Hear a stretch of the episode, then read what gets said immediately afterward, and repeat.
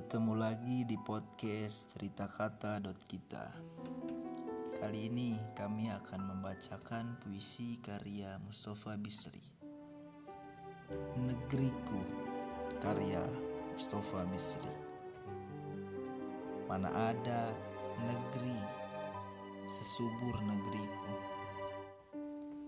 Sawahnya tak hanya menumbuhkan padi, tebu, dan jagung, tapi juga pabrik, tempat rekreasi, dan gedung.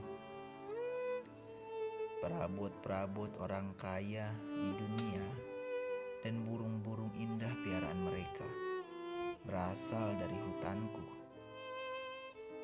Ikan-ikan pilihan yang mereka santap bermula dari lautku emas dan perak perhiasan mereka digali dari tambangku.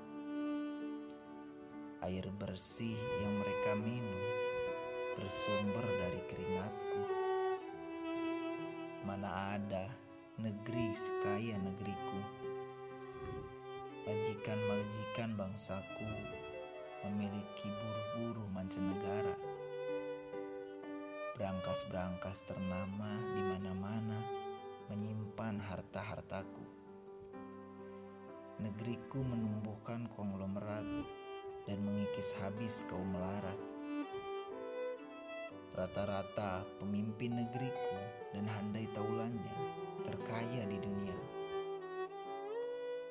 Mana ada negeri semakmur negeriku. Penganggur-penganggur diberi perumahan, gaji dan pensiun setiap bulan. Rakyat-rakyat kecil menyumbang negara tanpa imbalan. Rampok-rampok diberi rekomendasi dengan kop sakti instansi.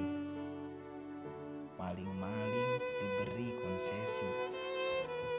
Tikus dan kucing dengan asyik berkolusi. Terima kasih.